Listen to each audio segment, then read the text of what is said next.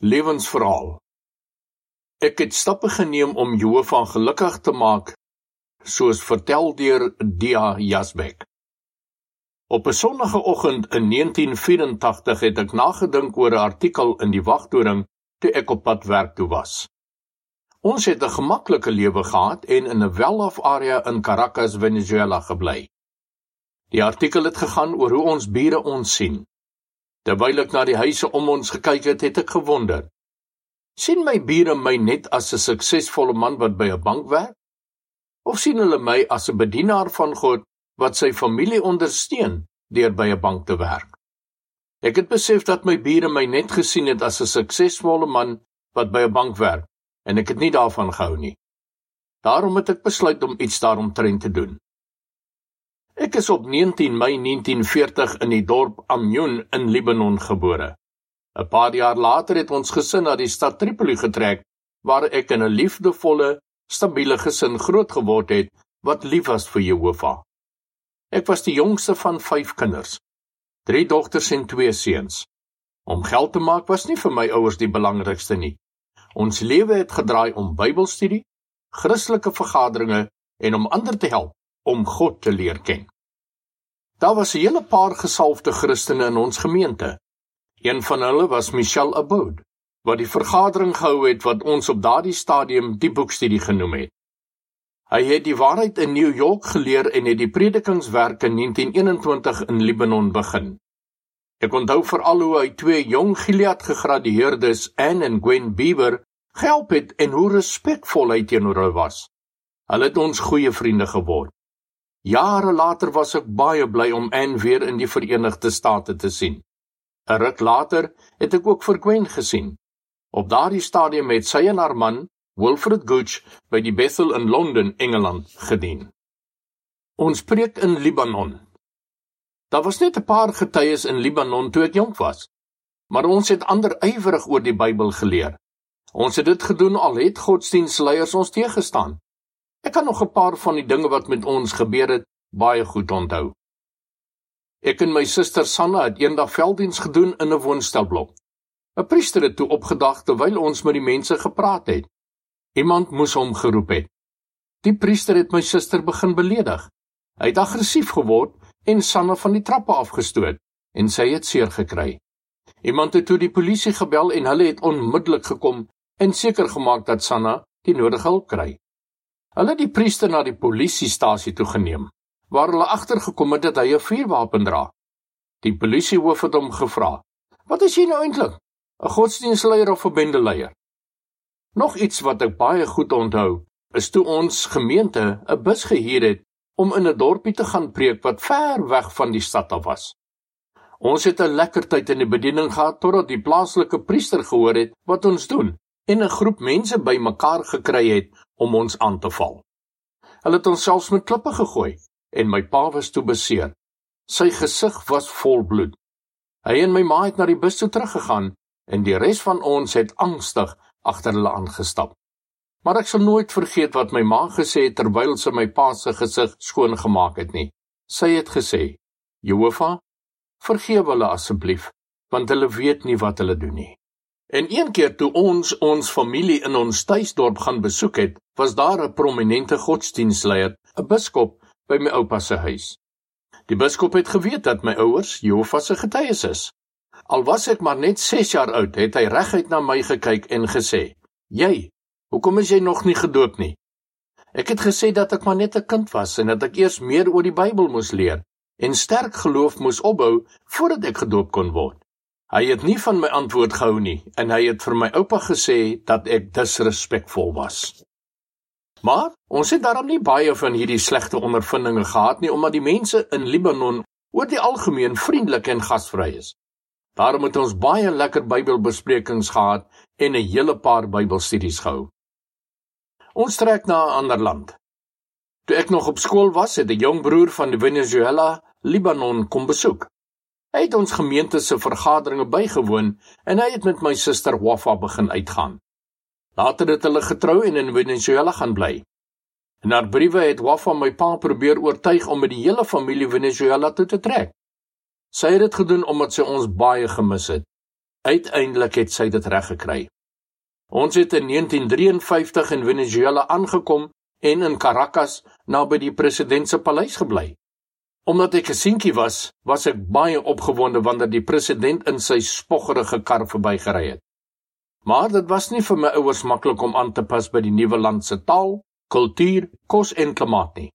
Om die waarheid te sê, hulle was nog besig om hulle voete te vind toe iets verskrikliks gebeur het. Tragedie tref ons familie. My pa het siek begin voel. Dit was vir ons baie vreemd omdat hy nog altyd so 'n sterk en gesonde persoon was. Ons kon nie onthou dat hy ooit siek was nie. Toe is hy met pankreaskanker gediagnoseer en hy het 'n operasie gehad. Ongelukkig het hy 'n week later gesterf. Woorde kan nie beskryf hoe hartseer ons gevoel het nie. Ek was maar net 13 jaar oud. Ons was in skok en dit het, het gevoel asof ons hele wêreld uitmekaar uitval.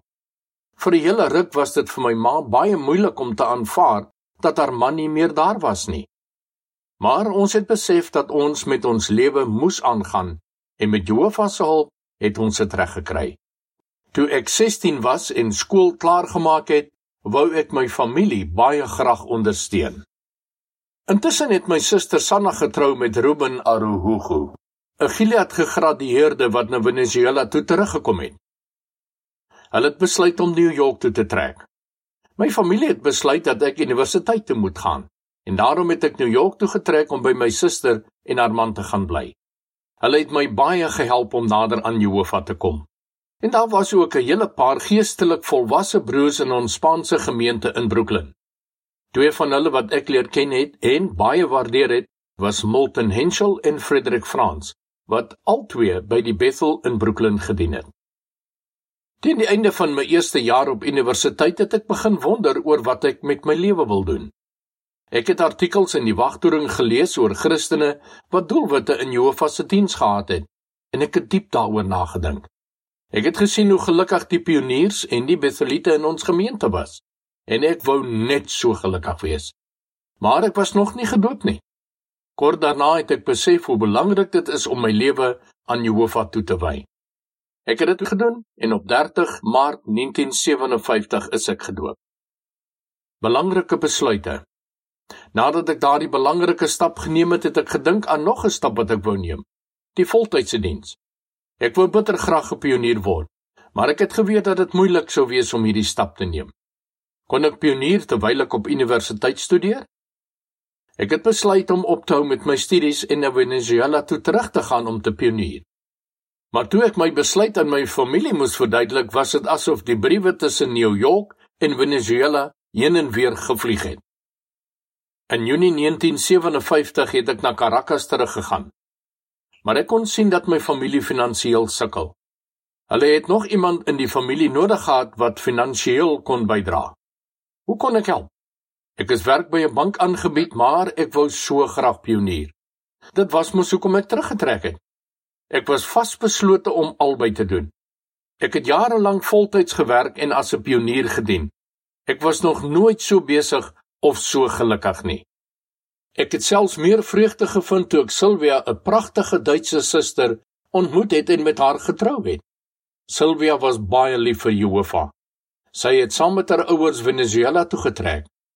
Ons het uiteindelik twee kinders gehad, ons seun Michel, Mike en ons dogter Samira. My ma het by ons ingetrek en ek het vir haar ook begin sorg. Al moes ek ophou pionier om vir my familie te sorg, het ek nog steeds die pioniergees gehad. Wanneer ons ook al kon, het ek en Silvia gedurende die vakansies hulpionierdiens gedoen. Nog 'n baie belangrike stap. Die kinders was nog op skool toe ek die ondervinding gehad het wat ek aan die begin van hierdie artikel genoem het. Ek moet sê, my lewe was baie gemaklik en mense wat by banke gewerk het, het my gerespekteer. Maar ek wou nog steeds hê dat mense my as 'n knegg van Jehovah moet sien. Ek het bly dink aan wat ek kon doen sodat mense my so sou sien. Daarom het ek en my vrou gesit en ons finansies bespreek. As ek ophou werk, sou die bank my 'n groot bedrag uitbetaal. Ons het geen skuld gehad nie en as ons ons lewe vereenvoudig het, sou ons vir 'n hele ruk genoeg geld hê. Dit was nie maklik om daardie stap te neem nie, maar my dierbare vrou en my ma het my besluit ten volle ondersteun. So ek sou weer eens die voorreg hê om as 'n pionier te dien. Ek was so opgewonde dit gelyk asof niks in my pad staan nie. Maar kort voorlank het ons nuus gekry wat ons almal onkant gevang het. 'n Lieflike verrassingkie. Eendag het ons dokter bevestig dat Sylvia swanger is. Dit was 'n groot verrassing vir ons albei. Dit was fantastiese nuus. Maar ek het gedink aan die besluit wat ek geneem het om 'n pionier te word. Sou ek dit nog steeds kon doen? Ons het gou gewoond geraak aan die idee en het daarna begin uitsien om ons nuwe familielid te verwelkom. Maar wat van my planne? Nadat ons ons doelwitte bespreek het, het ons besluit om by ons oorspronklike plan te bly. Ons seun Gabriel is in April 1985 gebore. Nietemin het ek uit my werk bedank en in Junie 1985 as 'n pionier begin dien. Later het ek die voorreg ontvang om 'n lid van die takkomitee te word. Maar omdat die tak nie in Caracas was nie, moes ek 2 tot 3 keer 'n week omtrent 80 km ry. Ons trek weer. Die takkantoor was in die dorp La Victoria En daarom het ons as 'n familie besluit om daarna toe te trek sodat ons nader aan Bethel kon wees. Dit was vir ons 'n groot stap. Ek kan nie eers sê hoe baie ek my familie waardeer en bewonder nie. Hulle gesindheid het baie gehelp. My suster Baha was gewillig om vir my ma te sorg. Mike was al getroud, maar Samira en Gabriel het nog by die huis gebly.